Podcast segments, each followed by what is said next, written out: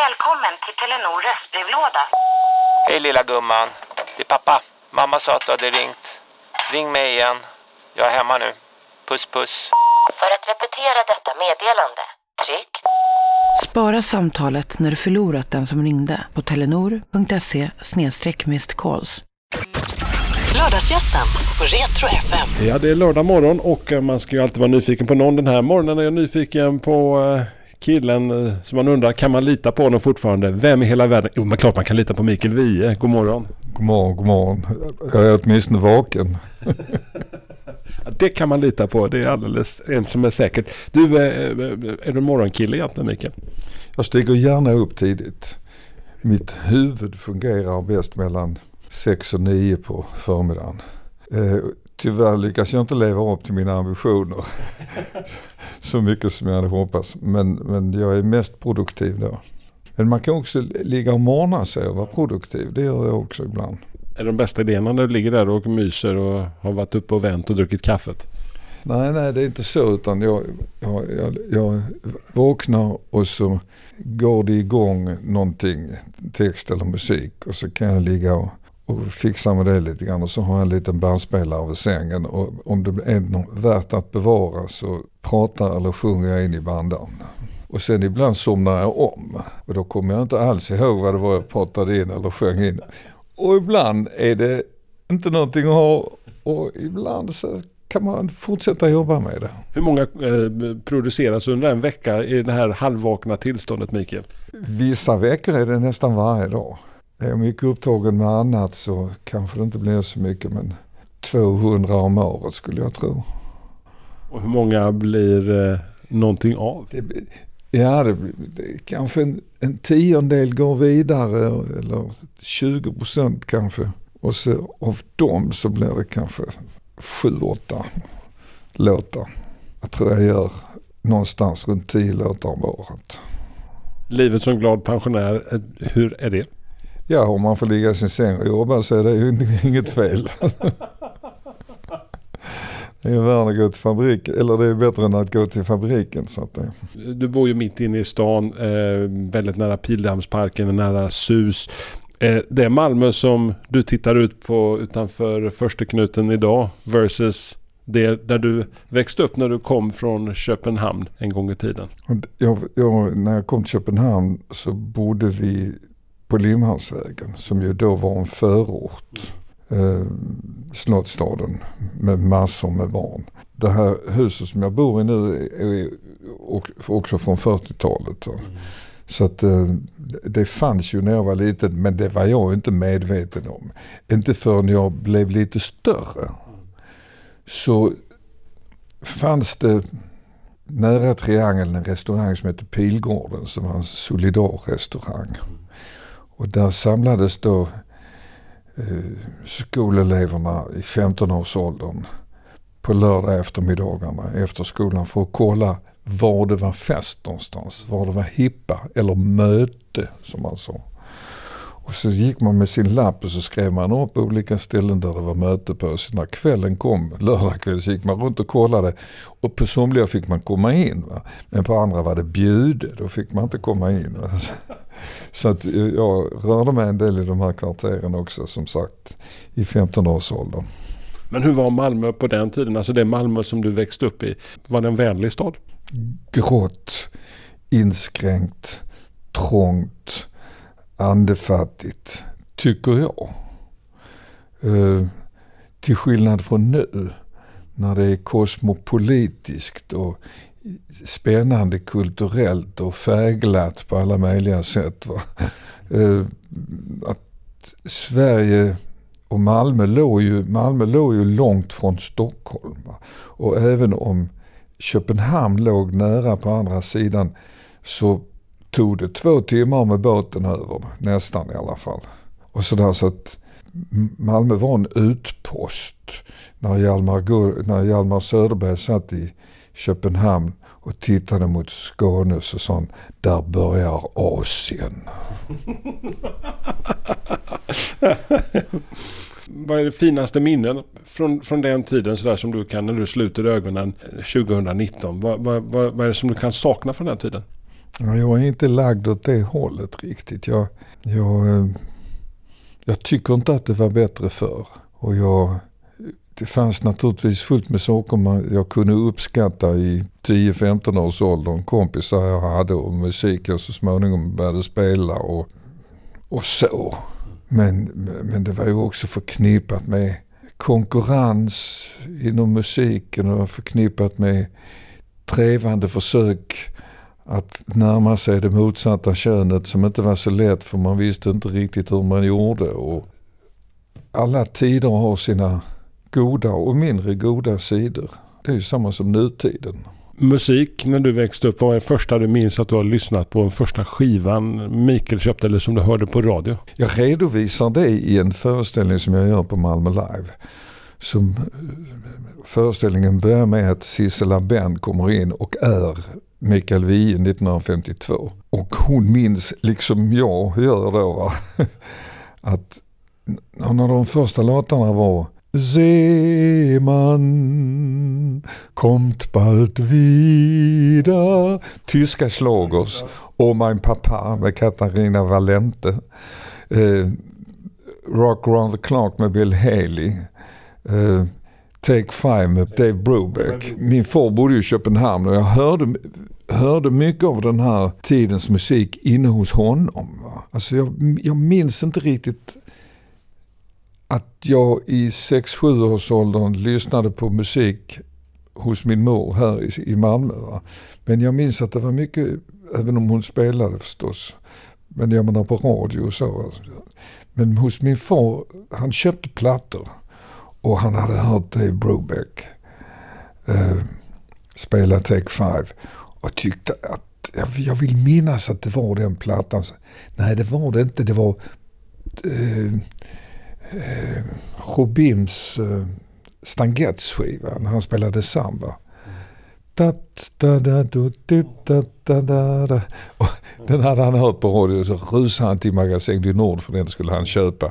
Och så upptäckte han att det stod 50 man i kö, hade hört samma låt, skulle köpa samma platta. De hade bara 10 stycken så han fick gå hem igen. Så kände han sig liksom så snopen för att han trodde han var ensam om att ha begripit hur bra den här låten var. Va? Och så var han bara en i mängden. Den kan drabba oss alla.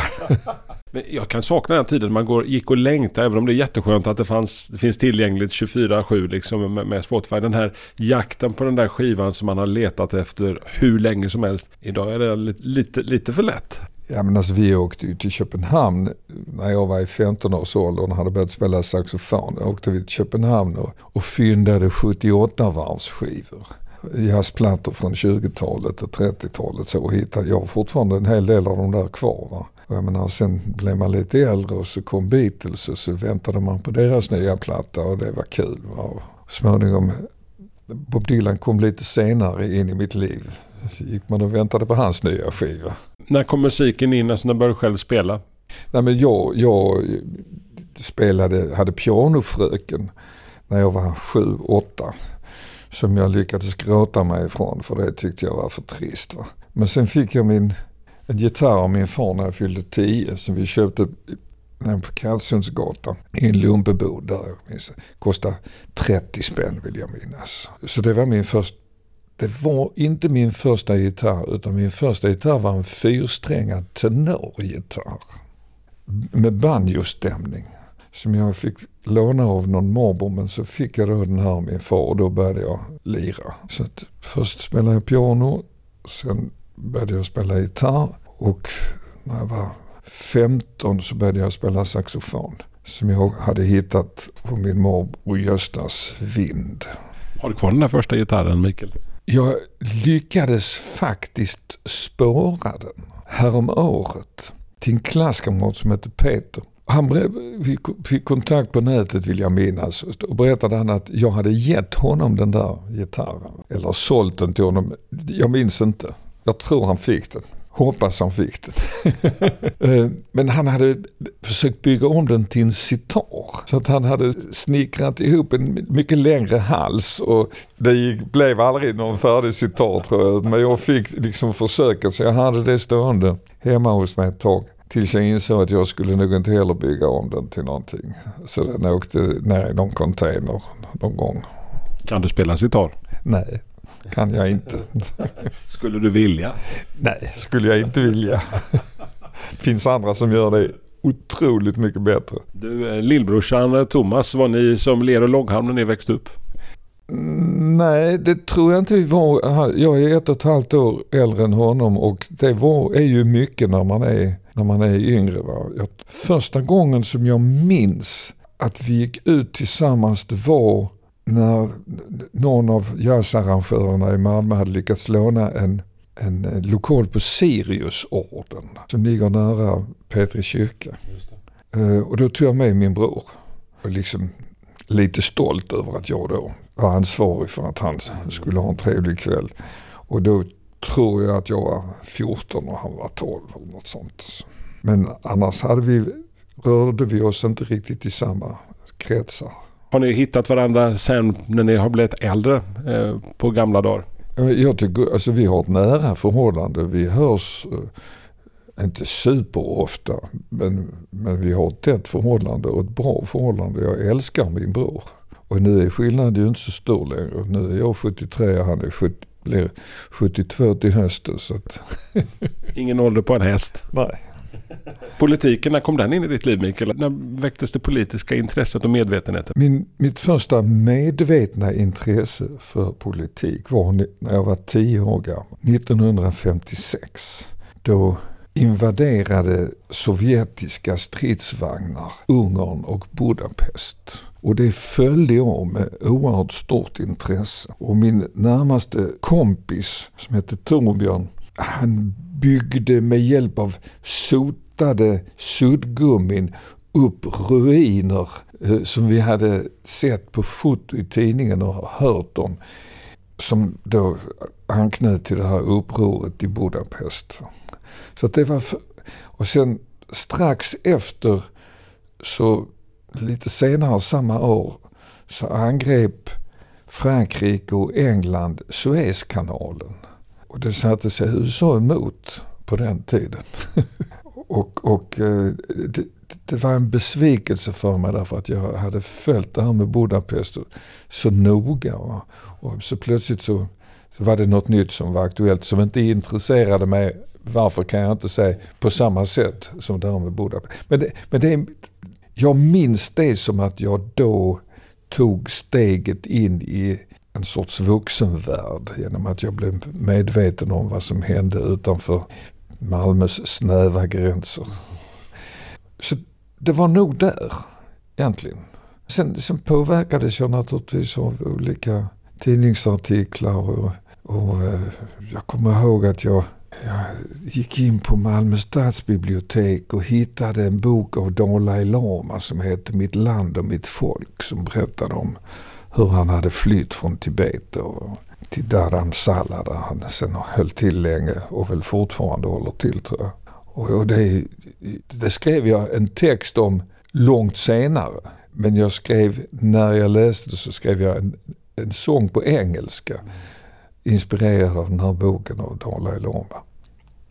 Jag tillhörde ju också, eller tillhör en generation som blev 20 i mitten på 60-talet. Med krig i Vietnam och diktaturer i Latinamerika och apartheid i, i Sydafrika och, och så. Det var ju en politisk tid och jag blev liksom många av mina kamrater engagerad i den tiden och påverkad av äldre kompisar. Jag var alltid yngst i klassen för jag hade börjat ett år tidigare. Så jag hade hela tiden kompisar som var ett eller två år äldre än jag själv. Ehm, när jag gjorde, började skriva sånger på engelska, det var i slutet på 60-talet. Då var jag typ 20, 21, 22. Jag skrev ju i Beatles och Bob Dylans efterföljd. Och Bob Dylan var ju en politisk sångare. Samhälls topic songs heter det på engelska. Att det handlar om någonting. Va? Till skillnad från love songs som då anses inte handla om någonting. Men det kan de ju visst göra också. men men eh, det, var, det var där någonstans. tog dock inte på mig, eh, alltså FNL som motståndsrörelsen i, i Vietnam hette, motståndarna till USA, eh, ockupation av landet. Och då fanns det ju en stöd rörelse i Sverige för motståndet mot USAs krig i Vietnam. FNL-rörelsen. Då kunde man köpa ett litet märke där det stod FNL på. Och det gjorde jag inte för 1973 när jag var 27 år gammal. Men då hade jag långsamt rört mig på det hållet sen vi gjorde den första Hoola-skivan 71. Och jag skrev en sång som hette Är det verkligen fred vi vill ha? Som handlade om kriget i Vietnam.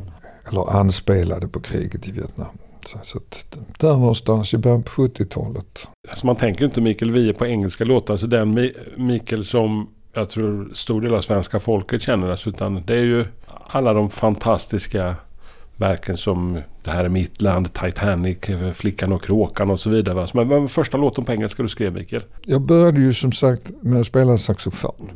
Så att det som jag betraktar som min första komposition var en instrumental melodi som hette Up in Michigan efter en novell av Ernest Hemingway.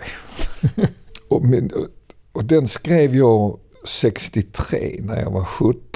Sen började jag spela med min bror och hans kompis Håkan Ripa. De hade en, ett band som hette Mockers eh, som kom från en replik av Ringo Starr i Beatles film A Hard Day's Night. När han blir tillfrågad om han är en mod, en mods alltså, mm. eller en rocker som är då raggare.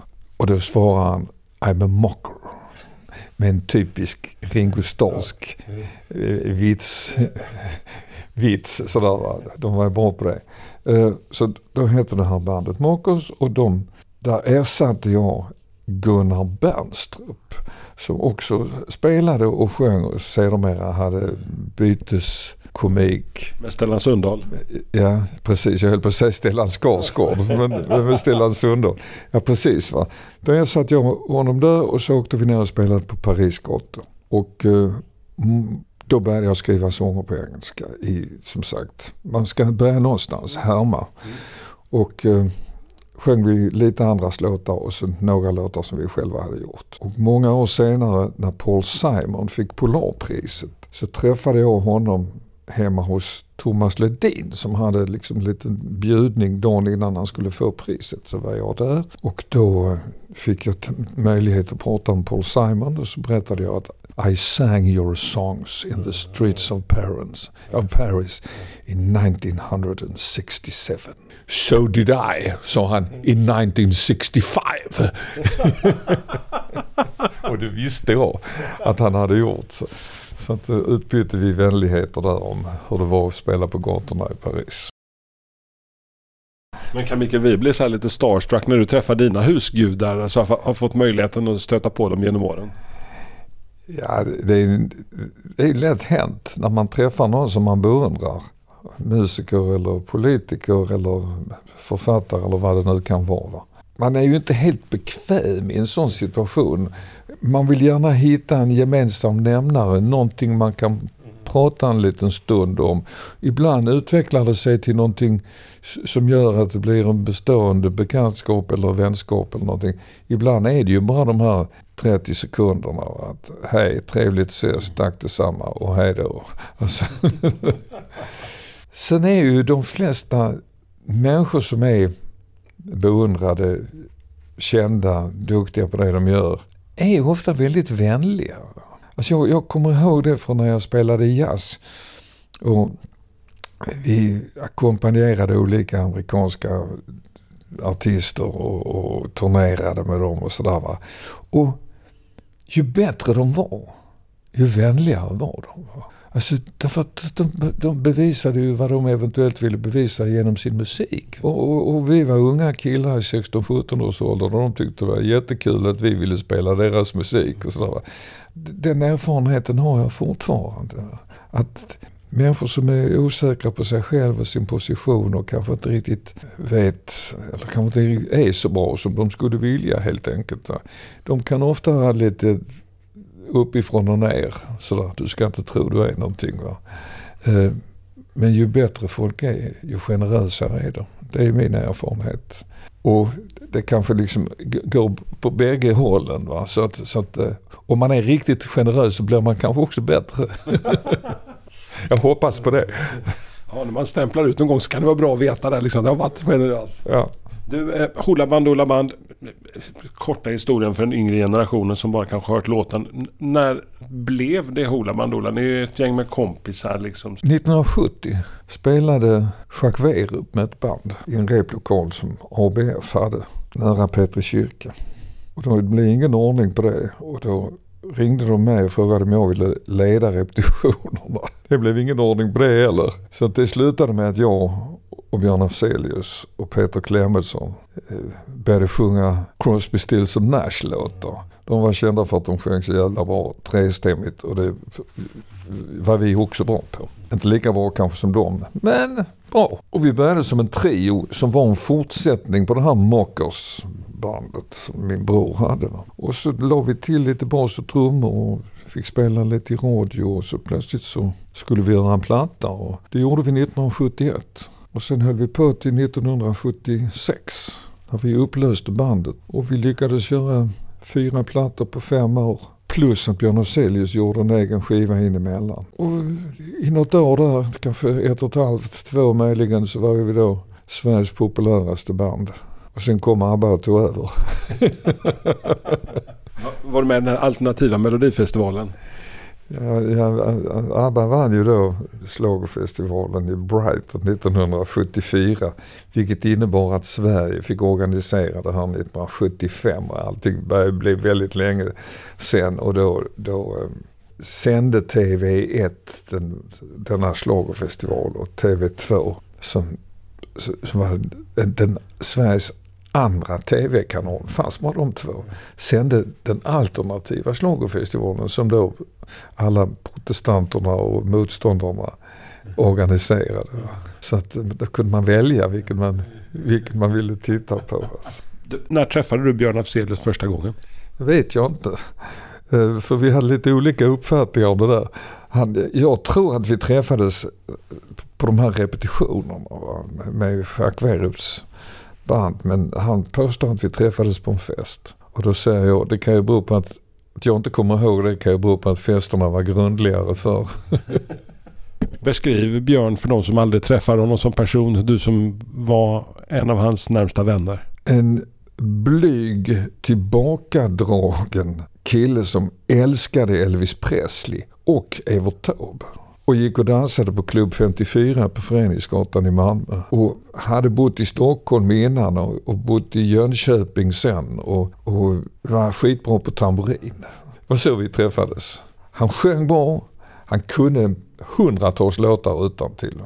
Och han kom från ett band som hette Lille Mats tillsammans med, med eh, Sven Melander och Affe hade han sjungit i samma band. Eh, och eh, i Hola så utvecklade ju Björn en han kom över sin blyghet, både när det gällde killar och tjejer. Och han utvecklade sitt låtskrivande och eh, blev ju så småningom rockstjärna. Va?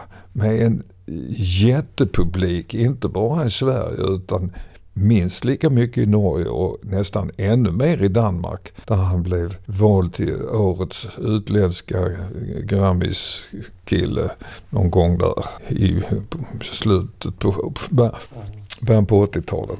Och vi hade väldigt kul. Alltså vi hade nog, vi hade nog väldigt mycket samma humor. Och, det, och så var vi väldigt förtjusta i att äta goda middagar och dricka både det ena och det andra.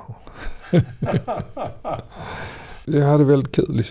Av, av Björns alla låtar, vilken tycker du är den som fortfarande så här griper tag i dig? För han skrev ju många fantastiska, han var extremt produktiv under många, många år. Jag, jag tycker det är svårt, alltså det här med eh, rangordningen. Va?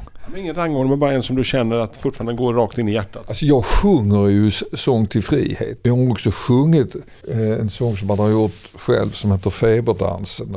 Och, jag, jag har funderat i många år på att jag skulle vilja spela in en sång som han har gjort som heter Mercedes. Som jag tycker är en fantastiskt fin låt. Eh, så det finns, finns många låtar han har gjort som är bra. Om vi går till ditt eget låtskrivande Mikael. Under efter Hola-tiden så vad, vad, tog ditt låtskrivande vägen efter proggen sakta men säkert började tyna ut lite grann på 70-talet där och det blev låtskrivaren soloartisten Mikael Wiehe? Ja, då fick jag ju trösta mig med låtar som Titanic och Flickan och kråkan och Lindansaren och, och, och, lite så. Och det gick ganska bra får man säga. Mitt hjärtas fågel. Då kommer vi såklart till att jag skulle gärna vilja att du berättade eh, ett par av dina låtar när de kom till. Flickan och kråkan till exempel. En av de mest älskade som vi för den yngre generationen säkert eh, känner igen är Timbuktus version från Så mycket bättre. Berätta om, om, om när du skrev låten Mikael. Min dåvarande fru, för vi var inte gifta, men berättade för mig om en teckning hon hade sett som föreställde en flicka som sprang med en kråka i famnen och kråkan var nästan lika stor som den här tjejen.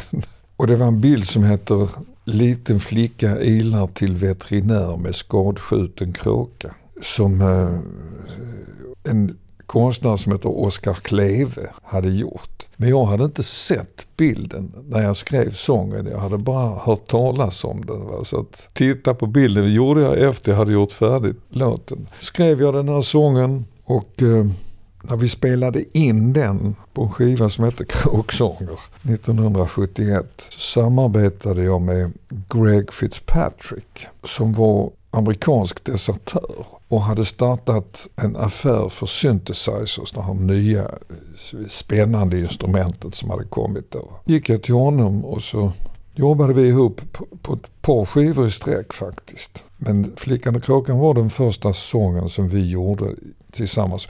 Som vi betraktade då som det verkliga experimentet. Va? Därför att vi hade använt syntarna då. Som inte så många hade gjort på den tiden. Så inte förrän jag kom in i bageriet på Ystadgatan där jag brukade handla fransbröd och den enormt gamla damen som kanske var 50 bast eller något sånt som stod bakom disken och tyckte att Flickan och kråkan var så jättebra.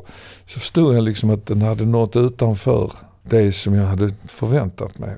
Alltså jag, jag trodde det var ett experiment. Men det gick tydligen, det blev liksom en, det blev en känd låt, vilket jag inte hade väntat mig. Eh, så småningom, många år senare, så hade Landskrona museum en stor utställning med Oskar Kleves teckningar och målningar. Och när jag stod och tittade då på målningen av flickan som ilar till veterinären så kom det fram en dam till mig och sa jag är Oskar Kleves dotter. Det är jag som är flickan med kråkan. Fick jag träffat henne där. Och sen eh, tillägnade jag i väldigt många år denna sång de så kallade galna mödrarna på Plaza de Mayo i Argentina. De kvinnor vars barn hade försvunnit under militärdiktaturen. Ihjälslagna, ihjältorterade. Så. Och de, en gång i veckan så gick de runt på det stora torget i Buenos Aires som heter Plaza de Mayo. Och demonstrerade för att få reda på vad som hade hänt med deras barn. Och det tyckte ju militärjuntan inte om så att många av de här mödrarna blev själva ihjälslagna eller försvann och sådär. Men de fortsatte demonstrera, det var därför de kallades för de galna mödrarna. Va?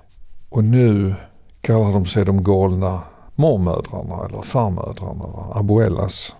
Och letar efter barnen till barnen. Därför att många av kvinnorna som fängslades under juntan var, några av dem var gravida när de fängslades och några av dem blev våldtagna i fängelset och födde då barn va, som militärjuntan adopterade bort till juntaanhängare som inte kunde få egna. Så att när, det stod ju ganska länge ganska klart att ingen hade överlevt juntans fängelser. Men barnbarnen hade det. Så att då har Argentina världens största genbank. Tack vare de här mödrarna. Så att barn som då misstänker att deras föräldrar inte är deras föräldrar. De kan gå och kolla i den här genbanken. Det, det, är så, det är så världsfrämmande att bara höra det berättat. Liksom. Alltså, jag blir själv rörd när jag ska berätta om det. Men alltså, och ungefär hundra unga barn som då, alltså detta utspelade sig, kuppen i Argentina var 76. Och jag är född 46, jag är 70, det är snart 45 år sedan. Så att barnen är där mellan 40 och 50. Va? Eh, och 100 av dem har alltså genom den här genbanken förstått att deras föräldrar blev ihjälslagna av militärer som kanske sen hade adopterat de här barnen. Alltså, så det är trauma i Argentina och ehm, barnen hamnar ju då i konstiga sitsar därför att de, somliga av dem älskar ju sina adoptivföräldrar. Somliga har kanske varit fantastiskt bra adoptivföräldrar. Och de hamnar i ett dilemma där och somliga känner att äntligen har jag kommit hem till min ursprungliga familj. Och så så att det, sånt lever vidare länge och skapar djupa och förfärliga sår. Och ehm, det har ju drabbat många olika länder i världen. Samma sak i Finland, samma sak i Spanien, samma sak i Chile. Alltså att det där med särskilt inbördeskrig och sånt det lever vidare i generationer. Och eh, måste göras upp med på ett sätt som man har ju försökt både i Sydafrika och Rwanda att komma fram till någon sorts försoningsprocess. Och det, jag vet inte om jag hade kunnat försonas med någon som hade slått ihjäl mina barn. Det tror jag inte. Ditt förhållande till Latinamerika, Sydamerika idag. Alltså, man förknippar ju också Alltså ända, sedan, ända sedan Viktor Jara eh, tidigt 70 liksom med Hoola Bandoola så har du alltid haft en stark koppling till Sydamerika och Latinamerika. Den är fortsatt stark. Jag håller den vid liv varje dag. Jag har en chilensk fru. Så att eh, eh, Latinamerika är starkt närvarande också i mitt privata liv. Det har, mycket har förändrats. på 70-talet var ju nästan alla länder i Latinamerika eh, regerade av USA-stödda militärjuntor. Utom Costa Rica som inte hade någon militär och Kuba som hade vett nog att göra motstånd. Va?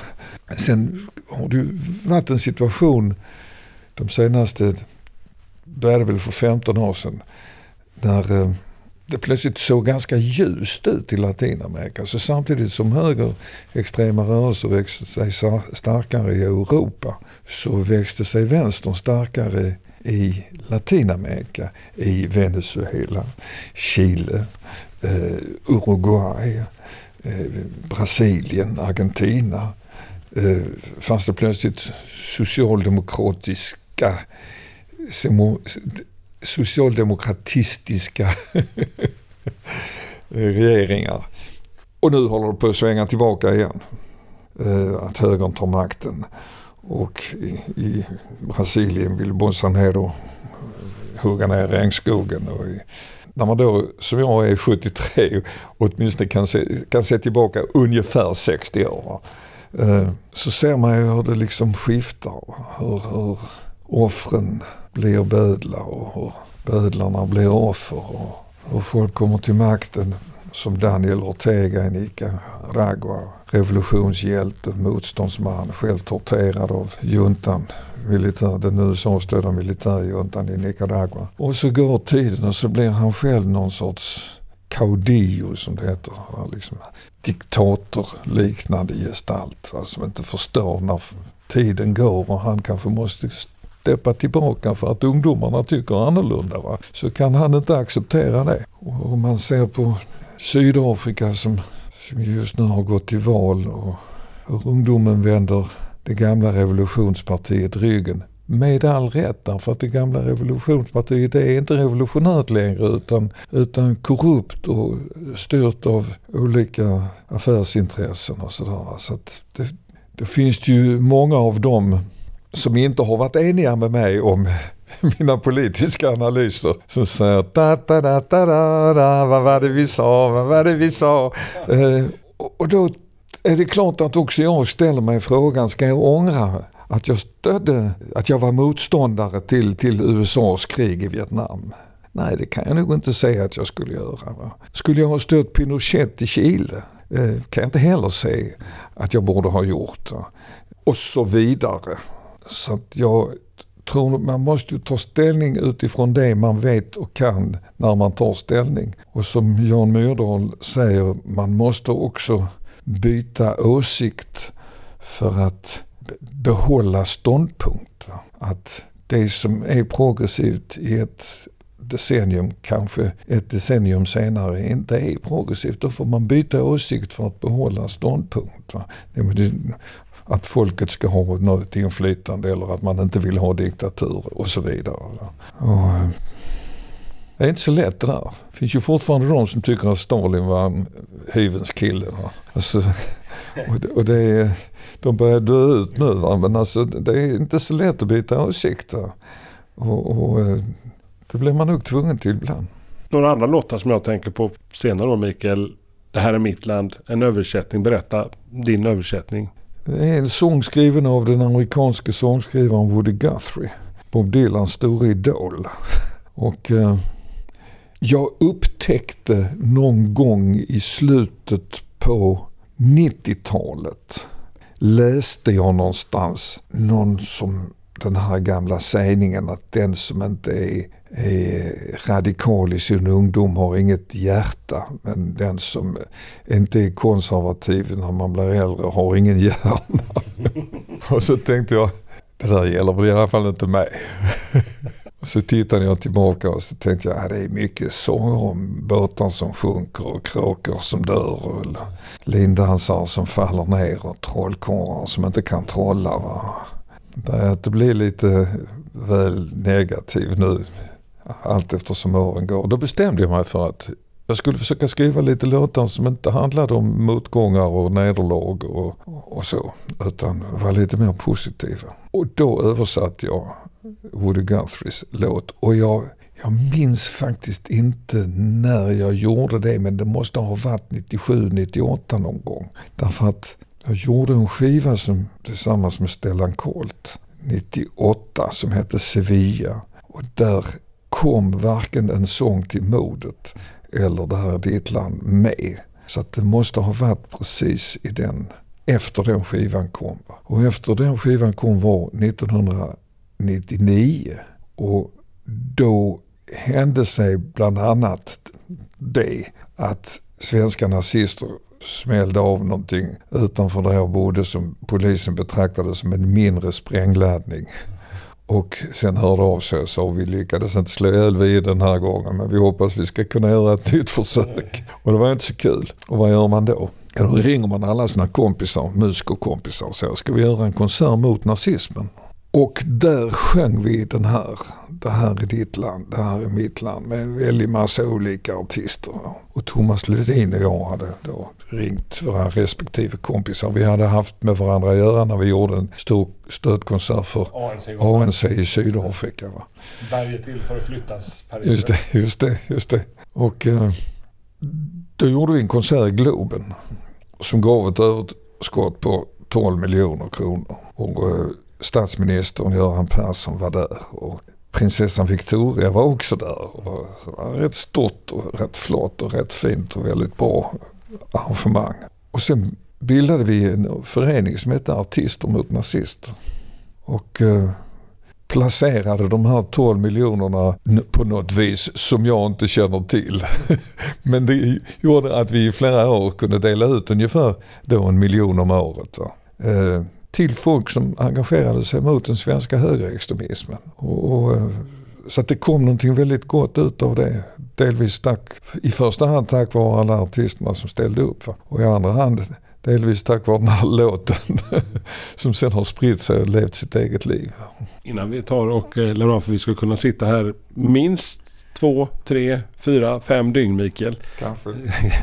så skulle jag vilja alltså, ge dig något, för du har gett mig så många fantastiska låtar genom åren. Så nu vill jag ge någonting. Du får välja en låt som fortfarande betyder någonting för dig Mikael. En låt som du växte upp med, en låt som du skulle kunna höra på autorepeat om och om igen. En av mina stora förebilder är Olle Adolfsson som har betytt väldigt mycket för mig musikaliskt och, och, och också personligt. Jag träffade honom flera gånger och vi, hade, vi tyckte om att ses. Jag skulle gärna vilja spela en Olle Adolfsson-låt. Ta något bra. Mikael Wiehe, stort tack för att du kom. Tack för att jag fick komma. Lördagsgästen på Retro FM. Nej. Dåliga vibrationer är att gå utan byxor till jobbet. Bra vibrationer är när du inser att mobilen är i bröstfickan. Få bra vibrationer med Vimla. Mobiloperatören med Sveriges nöjdaste kunder enligt SKI.